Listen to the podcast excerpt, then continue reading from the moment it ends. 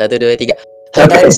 Halo semuanya. Eh, selamat datang di podcast Kacamata SMA episode pertama. Kalau kemarin tuh episode prolog kayak perkenalan gitu.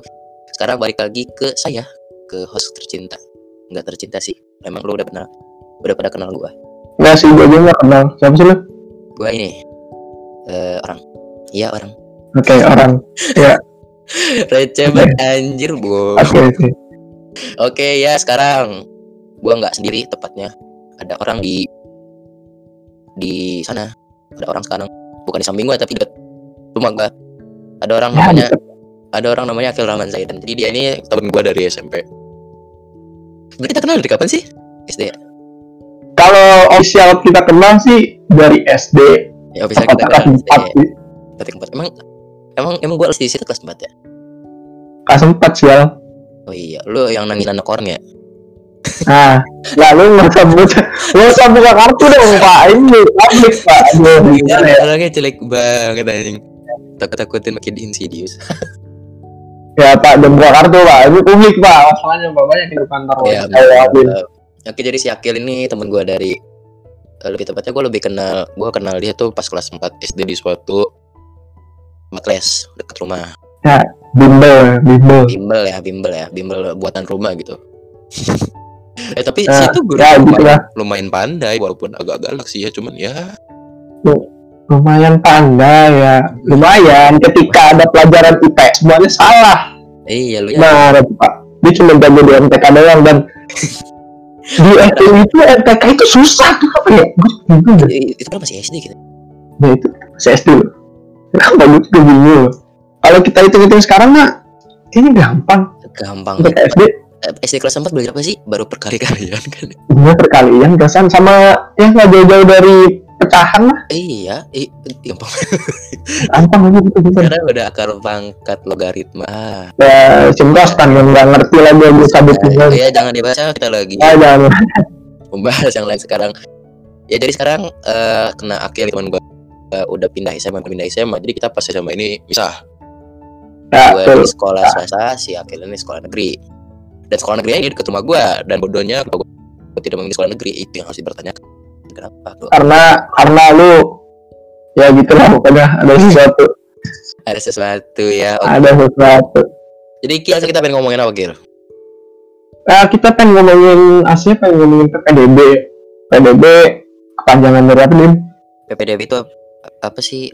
Proses pendaftaran peserta didik baru. Eh bukan pendaftaran peserta didik baru pak ah PPDB tuh ya. Terus pendaftaran kita gitu itu pendaftaran peserta didik baru?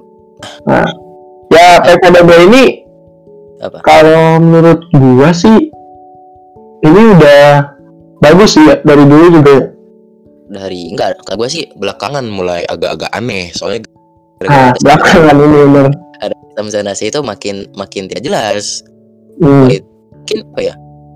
Eh, mungkin tujuan pemerintahnya bagus ingin memeratakan eh, jumlah siswa sekolah di Indonesia gitu. Dengan ada zonasi berarti kan ada yang rumahnya dekat harus sekolah sini aja nggak usah sekolah di jauh-jauh gitu.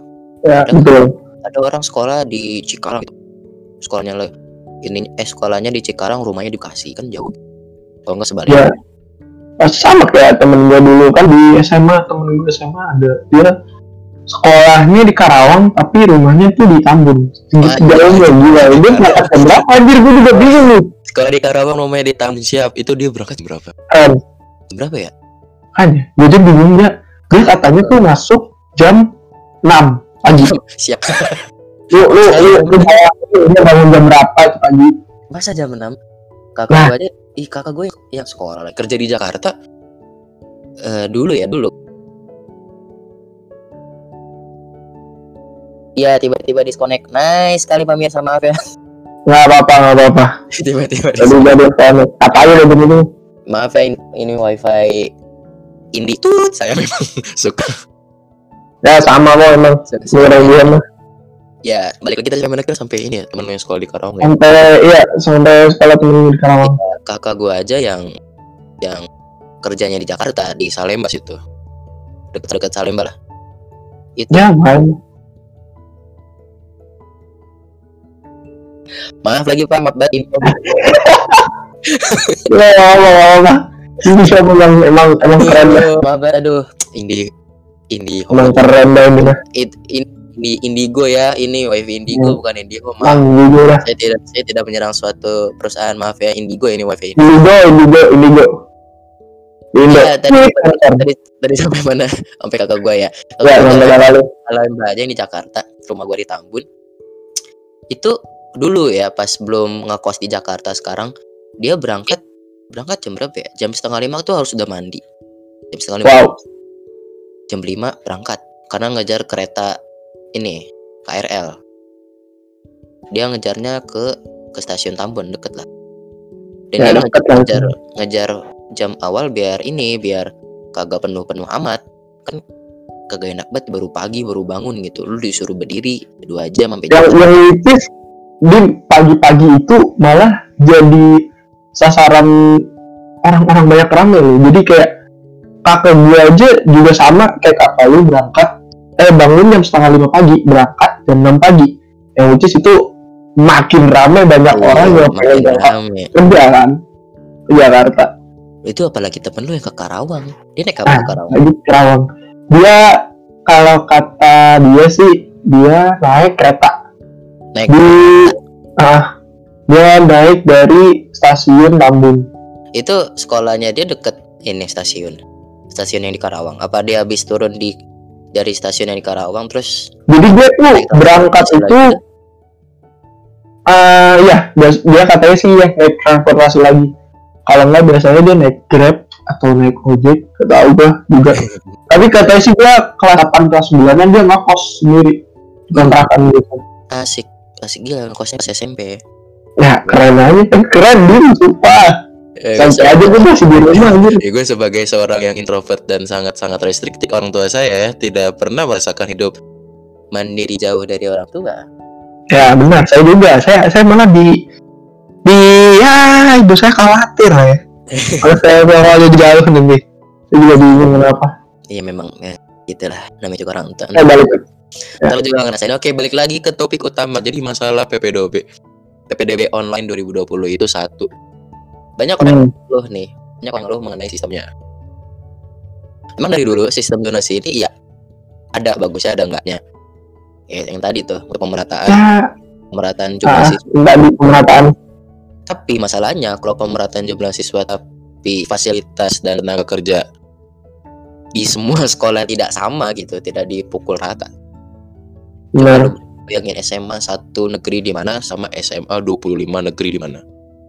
Kan pasti beda dari tingkat fasilitas sama tingkat gurunya.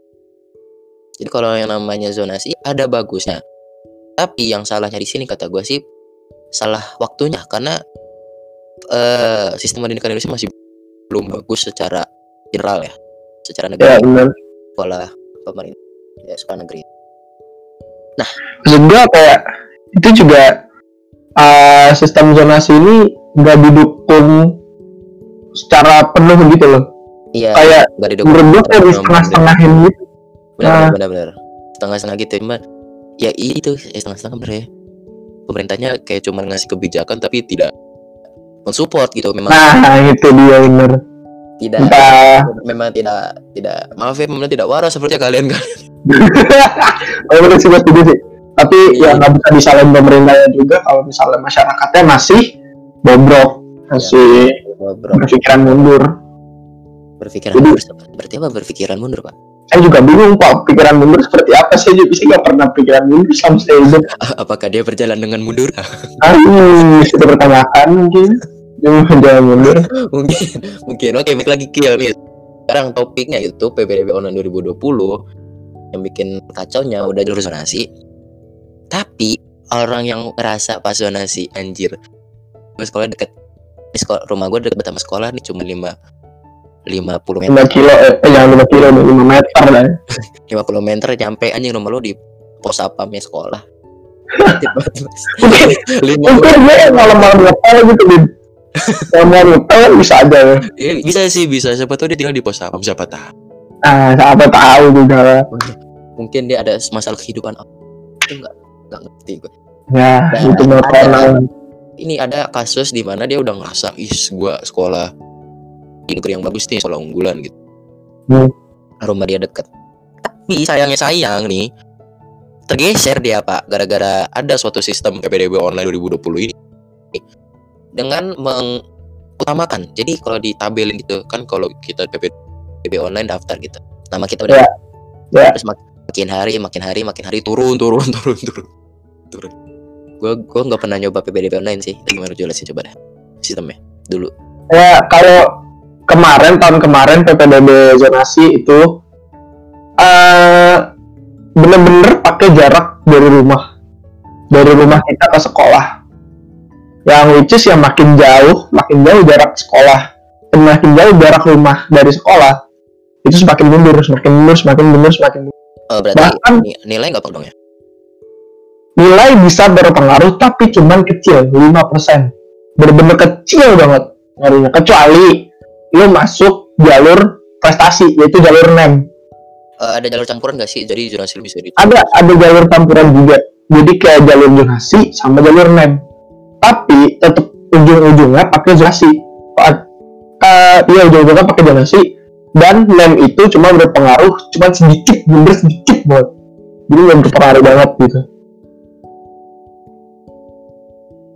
ya jadi, jadi dikit banget gitu hmm, dikit bener-bener dikit banget ya yang which is ya intinya ya zonasi gitu loh jarak Eh, Gerak yang dari rumah. Ini kayak lagunya ini ya, kayak lagunya Firsa Besari. Aku kesal dengan jarak. Iya. aku kesal yang jarak eh jangan copyright pak, copyright. Untung lu buatan ada jadi nggak copyright ya. iya untung dia nggak bisa nyanyi itu dia untungnya kalau kalau gue bisa nyanyi mungkin. Teresa Besari bisa kontrak dia ICU Teresa Besari Mungkin jadi ini ya, yang ngambilin minum pasti lagi konser ya. Bisa bisa. ya bisa jadi. Kalau enggak gue yang bawain bar personal manager gue Dim, Dim tuh temen gue, Dim Hmm? Lu temen gue ya Untuk aja. Emang, emang gue temen lu. Gak tau juga sih. Udah lah, ya, lanjut. Lanjut Lanjut Kenapa jadi masalah personal bangsat? ah? Pertanyaannya makin personal sih kan membawa masalah personal kita, Pak. Oke. Ah, Pak. Iya, ini lanjut aja. Jadi masalah ini orang udah udah merasa bisa masuk negeri tapi sayangnya di saat dia udah kayak hari-hari terakhir gitu tergeser Pak, dengan umur-umurnya, umur-umur si peserta didik ini. Jadi Gue juga ya. apa ya? Jadi misal peserta didik ini umurnya 15 tahun lah. Hmm. Besok lagi ada yang daftar. Umurnya 15 tahun lebih satu hari. Nah, Wah. 15 tahun lebih satu hari Iya. pasti ada di atas orang yang 15 tahun. Jadi aneh gitu. Gue jujur kasihan sama orang kayak gitu aja Gue kasihan banget Itu nih kalau lihat dari beritanya news.com nih. Eh, Oke. setelah mengadu komisi pengadilan anak KPA Indonesia sampai orangnya itu menggelar demo Pak depan depan ini komisi DPR. Baik Kom- Komisi X yang DPR RI. Calon siswi menangis. Dalam audiensi ini, seorang calon siswi SMA menangis di depan para anggota Komisi X DPR RI. Saat itu anak tersebut diberikan kesempatan berbicara dan menyatakan aduannya sebagai salah satu siswi yang tidak menerima tidak diterima karena kalah dari siswa yang um- lebih tua usianya. Jadi ada kasus di sini si anak umurnya 14 tahun hmm. sama anak umurnya 21 tahun. Apakah orang yang umur 21 tahun itu 21 tahun itu disebut anak-anak, Bapak? Gimana? Ah, Sudah legal ya 21 tahun itu adalah umur yang sudah dewasa Yang dewasa Ya Anak- orang anak TK juga tahu nih 21 tahun tuh rasanya kayak udah om-om gitu tahu sih lu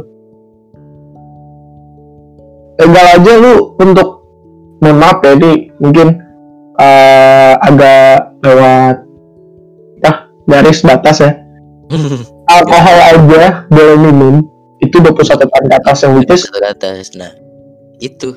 Jadi apakah calon 21 tahun ke atas ini disebut anak-anak? ya gimana ya kayak Jadi gimana? lu gak tahu Enggak, pertanyaan gua kalau dia emang adalah masalah pribadi gitu. Dia ada Ya. masalah pribadi karena nggak bisa sekolah SMA di saat umur 17 tahun atau enggak tuh enggak. Masuk SMA enggak 17 tahun ya? Berapa sih? 14 tahun? enggak juga sih. Kita aja 15 tahun masuk SMA loh. 14 malah ada. Iya 14 Gue tahun lalu gue berapa ya? Iya. Sekarang gue kemarin 16 Oh berarti tahun lalu gue Lu 15 15 Gue 15 Iya 15 15 pak. Jadi Ya Gue sih Gue, gue mikir Ada eh Bim. Hmm? Aku sih Gue menurut Aku kamu mendengarkan saya kira Saya kira anda, anda mati gitu. Disconnect Jadi gue Gue pernah mikir gitu. Hmm? eh, sistem zonasi yang pakai usia ini ada oknum-oknum kayak dia menyertakan nama misalnya anaknya ya menyertakan nama anaknya tapi umurnya itu umur dari orang tuanya misalnya agar dia bisa masuk gue sempat mikir kayak gitu. Emang Dan bisa ternyata- begitu ya? Emang ada begitu pak? Dan ternyata setelah gue riset emang nggak ada. Hmm? dan emang itu bener-bener murni dari gue masih nggak tahu itu orang-orang ya mungkin yang gak itulah tahu sendiri lah Murni apa tuh? Ala, ala- apa namanya kalangan menengah ke bawah mungkin. Ya.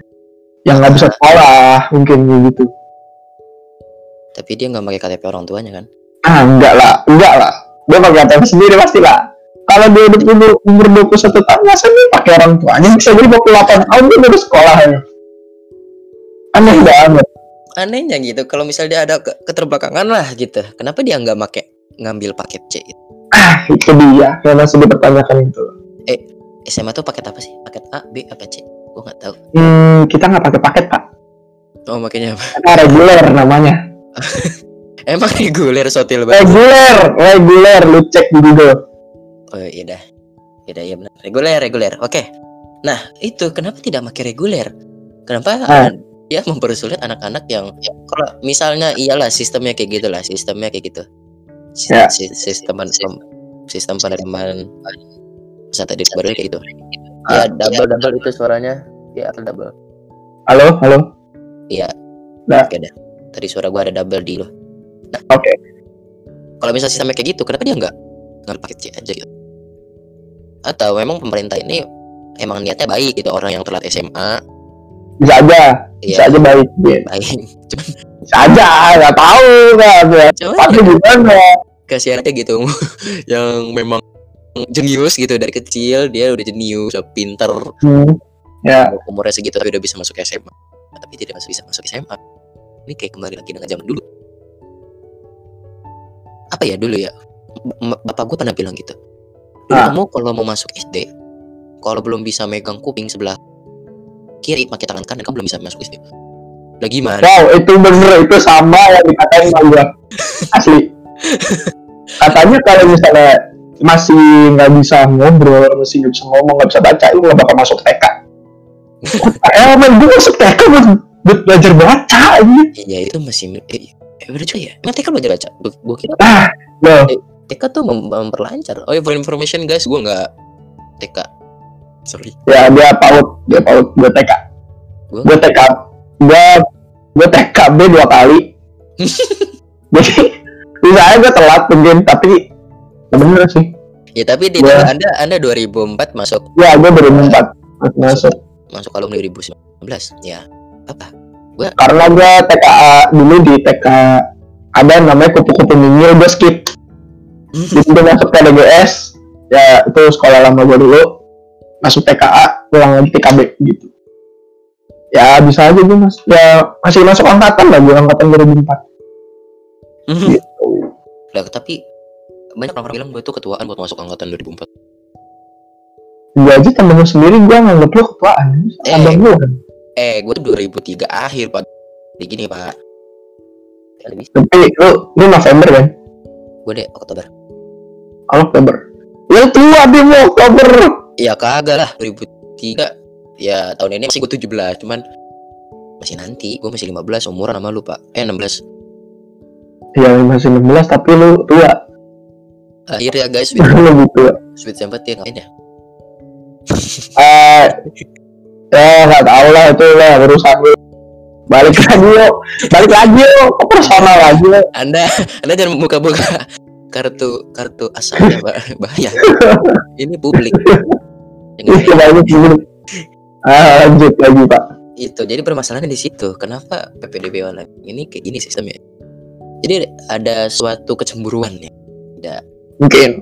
Mungkin aja Nah. gua gak bakal ngomongin konspirasi ya hanya orang orang-orang bego kayaknya ngomongin konspirasi ya menurut tuh kayak gitu? Apa solusinya yang harus diberikan kalau kayak gitu? Ya kalau udah sistemnya udah bobrok begini, kan misalnya udah terlanjur gini. Kata gue sih, hmm.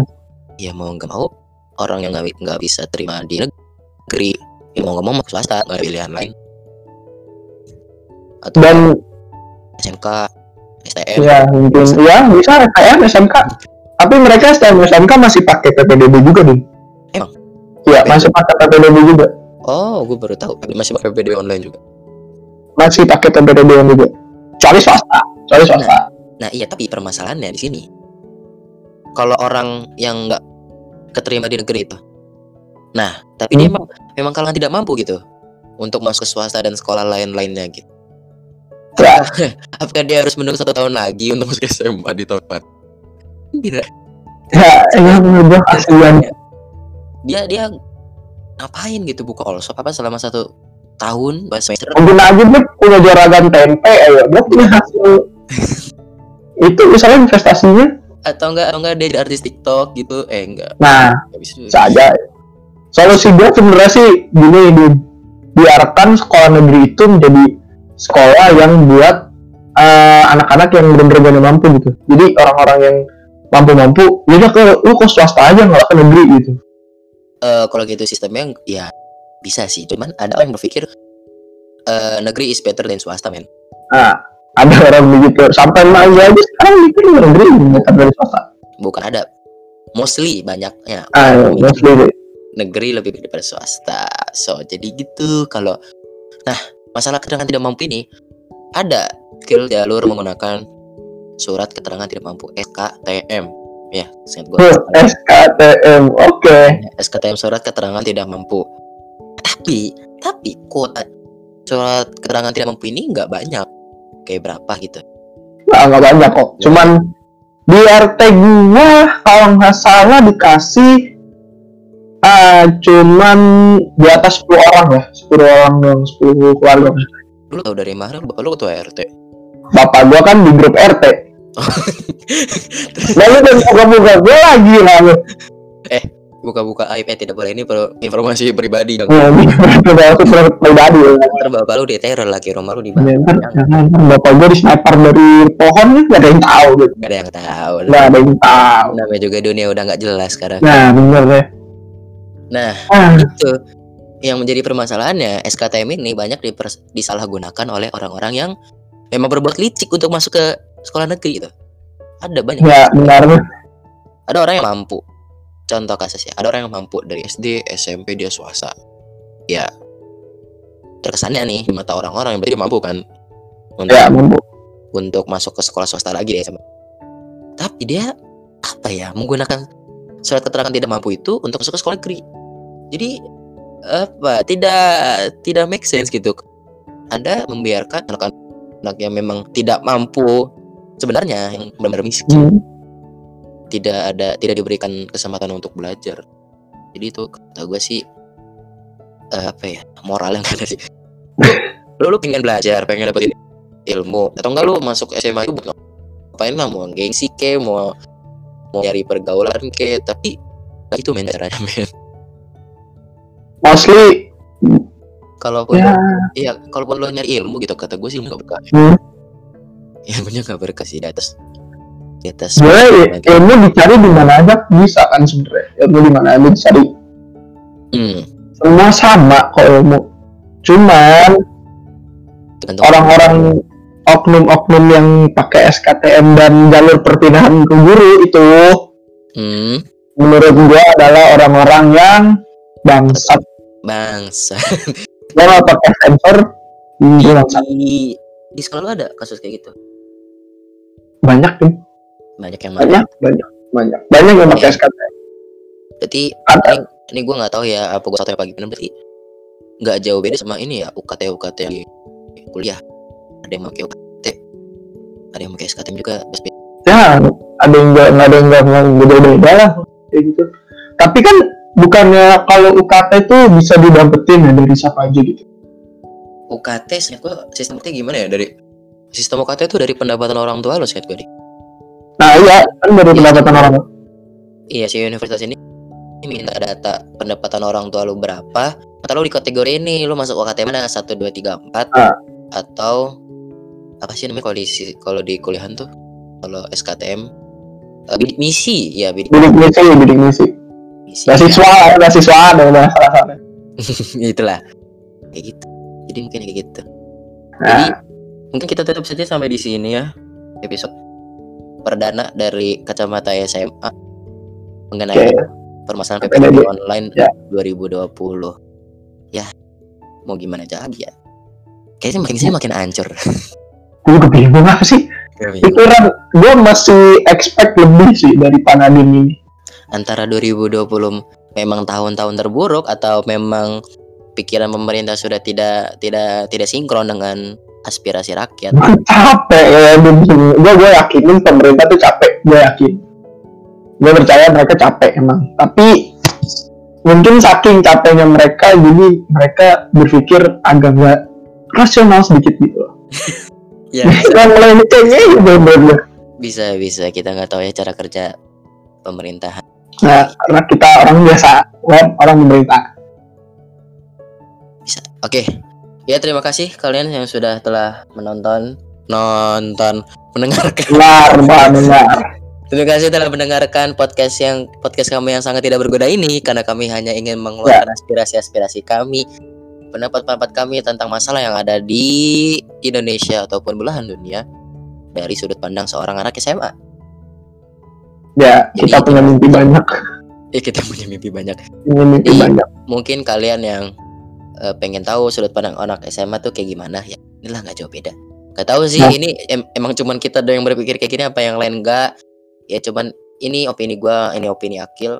So jadi negara kita tuh apa namanya bebas berpendapat. Ya. jadi kalau kita berpendapat tapi tetap dibungkam itu namanya bukan kebebasan dalam berpendapat itu namanya apa? Pak otoriter. Eh. bisa jadi jadi ya bisa jadi. Jadi maaf. Nggak eh, beberapa pihak yang tersinggung mohon maaf sekali. Mohon maaf Eh, banget. mohon maaf Eh, mohon diterima maaf kami. Oke Ya. terima kasih telah mendengarkan podcast kami. Eh, silahkan datang kembali di episode selanjutnya. Di kacamata SMA podcast. Bersama di Mahasiswa Firdaus Eh, Sama. dan Akil Rahman Zaidan. Yap. Eh, dan follow us on Instagram di @kacamata SM podcast oke bye bye Terus kalau kalian eh belum bye bye bye bye bye oh belum ya oh belum kira udah Terus kalau kalian ada saran untuk episode selanjutnya pengen ngomongin apa atau enggak? Any thoughts about our opinion? Ada apakah kalian punya opini lain? Coba klik di D ini. Bisa DM kita di Instagram kita, oke? Kasih telah. Terima kasih. Apa kilo penutup Kil? Terima kasih udah mau dengerin podcast kita. Hmm. Eh, semoga ke depannya kita bisa maju ya Iya. didengerin. Semoga aspirasi kita didengerin gitu. Iya, semoga kita semoga kita dengarkan saja gitu. Karena lelah Hayati ini di rumah tidak melakukan apa-apa. Sama saya juga lelah. Saya cuma buka PS4 saya. Lama-lama saya nggak apa? Lama-lama otak kita beku nggak berguna. Bener nggak oke bener ya guys terima kasih telah mendengarkan. Sampai jumpa di episode selanjutnya. Dadah. Au.